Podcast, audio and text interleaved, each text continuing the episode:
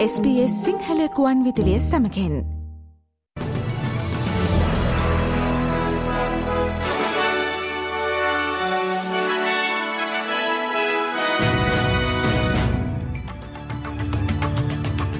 අද දෙසැම්බර් මස පහළුස් වනදා සිකුරාදා. SBS සිංහල සේවේ ප්‍රවෘතිගෙනන මම දිනේ ශාදිල් රුක්ෂී විජේසූරිය. ඔස්ට්‍රේලියාව බ්‍රතාානි සහ ඇමරිකාව අතර ඇතිකරගන් ලැබූ න්‍යෂ්ටික සබමරීන ගිවිසුම් හෙවත් ඕකස් ගිවිසුම සඳහා ඇමරිකානු කොංග්‍රස් මණ්ඩලයේදී නිල වශයෙන් අනුමැති හිමිවෙයි.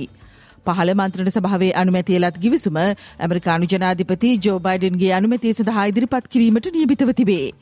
ඇමරිකානු වර්ජිනියා කාණ්ඩයට අයත් න්‍යෂ්ටික බලයෙන් ක්‍රියා කරන මෙම සබමැරීන ආම වශයෙන් තුනක්වත් ඔස්ට්‍රේලියාව වෙත ලබාදීමට නියමිතව ඇතැයි වාර්තාවේ. රථමෝදේ මෙහෙයුම් වෙනුවෙන් යුද නෞකාවක් එක්කරලීම සඳහා ඇමරිකාව විසින් සිදුකොට ඇති ඉල්ලීම සඳහා ප්‍රතිශාර දක්වන්නේ දයන්න පිළිබඳව ඔස්ට්‍රේලියාව තවමත් තීරණය කර නොමැති බව ආරක්ෂකමාතය රිචිට් මල් සඳහන් කරයි. කලාපයේ සැපයුම් නාවික මෙහෙයුම් කඩාකපල් කිරීමට උත්සාහ කරන ඉරානයේ සහයෝගය ලබන මිලිටරි කණ්ඩායම් විසින් නැව්වලට එල්ල කරන ප්‍රහාර වැඩිවීම හේතුවෙන් ජාත්‍යන්තර කාර්යසාධක බලකායක් ඇතිකර ගැනීම සඳහා අවශ්‍ය සහය ඇමරිකා එක්සත් ජනපද නාවික හමුදාවෙන් ඔස්ට්‍රේලියාව වෙත ලැබී තිබේ. ඊශ්‍රායිල හමාස් යුදකැටවුම් පවතින වාතාවරණයක මැද පෙරදිග පවතින ආතිතීන් මධ්‍යයේ මෙලෙස රතු මුහුදට යුදනෞකාවක් ඇවීම පිළිබඳව තවදුරටත් සිතා බැලයුතු බව ආරක්ෂක අමාත්‍ය රිචඩ් මාල්ස් සඳහන් කොට සිටියේ. Australia has been uh, part of the Combined Maritime Force for a long time. We've got uh, personnel who are embedded there right now, and in the past we have had uh, Navy vessels be deployed to that region. We'll consider this request in due course, but I would note that the focus of our naval efforts right now are on our immediate region. ඔස්ට්‍රේලියාව යුක්්‍රේන හමුදා පුහුණු කිරීමේ සිය කාර්යභාරය පුළුල් කිරීමට සූදානම් වෙයි. එක් පුහුණුවාරයක් සඳහා දැනට යොදවා ඇති ඔස්ට්‍රේලයානු ආරක්ෂක සාමාජිකයෙන් හැත්තෑවක සංඛ්‍යාව ඉදිරි වසරේ සිට අනුවක් දක්වා ඉහළ යනු ඇතැයි ආරක්ෂකාමාතය රිචිඩ් මල්ස් නිවේදනය කරතිබේ.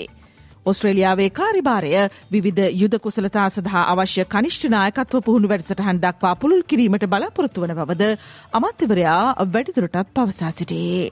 Right now, uh, the Ukrainian armed forces are very much a civilian army. Um, And I was able to see people who had literally come off the street. Someone who had been a clerk, uh, a building worker, a truck driver, um, and were being turned into soldiers in circumstances where they were about to fight in a conflict which is today looking a lot more like World War One than World War Two. ක්වීන්ස්ලන්ත ප්‍රාන්තයේ හතලිස්වනි ප්‍රාන්ත අග්‍රාමාත්‍යවරයා වශයෙන් Steven Miles අද නිල වශයෙන් දීරුම් දීමට නියමිතයි. පසුගේ දෙසැම්බර දහවනදා Anastasia පලාශය විසින් හදිසියේම තමා ප්‍රාන්ත අගමති තරතුරෙන් ඉල්ලා අස්වන බවට නිවේතනය කිරීමෙන් අනතුරුව ප්‍රාන්තයට අවශ්‍ය නව නායකයෙකු පත්කර ගැනීම සඳහා අවශ්‍ය කටයුතු ආරම්භ විය. ඇනස්ටේෂයා පලාශය විසින් නියෝජ්‍ය අග්‍රාමාත්‍ය ස්ටීවන් මයිල්ස් තනතුර සඳහා සුදුසු බවට තහවුරු කොට තිබුණද පසුව කවීන්ස්ලන්ත ප්‍රාන්ත සෞඛ්‍ය අමාත්‍යවරිය වන ෂැනන් ෆෙන්ටිමන්ඩ ප්‍රාන්තනායකත්වය සඳහා තරඟ කිරීමට ඉදිරිපත් වූවාය. පසුව ඇය විසින් එම අදහස ඉවත් කර ගැනීමෙන් අනතුරුව ස්ටීවන් මයිල්ස් නිතරගෙන් කුයින්ස්ලන්ත ප්‍රාන්ත අගමැති තනතුරු සඳහා යෝජනාවිය. හිටපු ප්‍රාන්ත අගමැතිවරය වන ඇනස්ටේෂයා පලාශේ අදදිනේදී ප්‍රාන්ත ආණ්ඩුකාර ජනට් යං ඉදිරියේදී නිල වශයෙන් තම ඉල්ලා අස්වීම ඉදිරිපත් කිරීමෙන් අනතුරුව ස්ටීවන් මයිල්ස් ක්වීන්ස්ලන්තේ නව ප්‍රාන්ත අගමැතිවරයා ලෙසට දීරුම් දීමට නියමිතායේ. ශ්‍රී ලංකාවෙන් වාර්තාාවන ප්‍රවෘති අද මෞබිමෙන් පත් විශෂාන්ගෙන් බලාපොරොත්තු වන්න. යුරෝපයේ ප්‍රහාර මාලාවක සැල්සුමක් සම්බන්ධයෙන් අත්තරංගුවට ගත් පුද්ගලයෙන් හත් දෙනා අතර හමස් සංවිධානයේ සැකකරුවන් සිව් දෙනෙකුද සිරින බව ජර්මන් බලධාරීහු පවසති.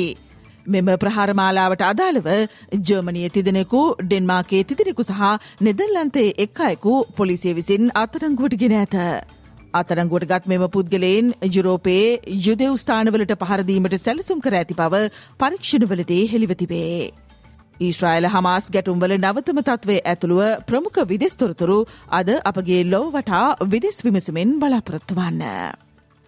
ශ්‍රී ලංකාව සහ සිම්බාපේ අතර පැවැත්වන එක් දින සහ විස විස තරඟාවලියේ සියලුම තරඟ කොළඹ ආර්ප්‍රමතාස ක්‍රඩාංගනයේදී පැවැත්වීමට තීරණය කර තිබේ.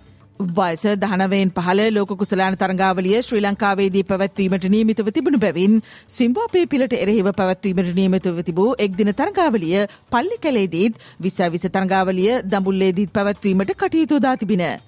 එහෙත් දහනවයෙන් පහල ලෝක කුසලාන තරංගාවලිය දකුණු අප්‍රිකාවට රැගෙනයාම නිසා සිම්බාබේ පිලට එරෙහි තරංගාවලිය කොළඹදී පැවැත්වීමට තීරණය වී තිබේ. මේ අනුව සිම්බාපේ කණ්ඩායම ජනවාරිතුන් වනිදා ශ්‍රී ලංකාවට පැමිණීමට නියමිතයි. පසොරු දෙකයි තිහට ආරම්භ වන එක් දින තරඟ තුන ජනවාරි හය අට සහ එකුළ හදිනවලදී පැවැත්වේ. රාත්‍රී හතට ආරම්භ වන විස විස තරඟ තුන ජනවාරි දාහතර දාසේ සහ දහ අට දිනවලදී පැවැත්වේ. මේ පිළිබඳව වන තොරතුරු ඇතුළුව සතියේ ප්‍රමුඛ ක්‍රීඩා තොරතුරු අද අපගේ සතිය ක්‍රීඩා විග්‍රහයෙන් බලාපොරොත්තු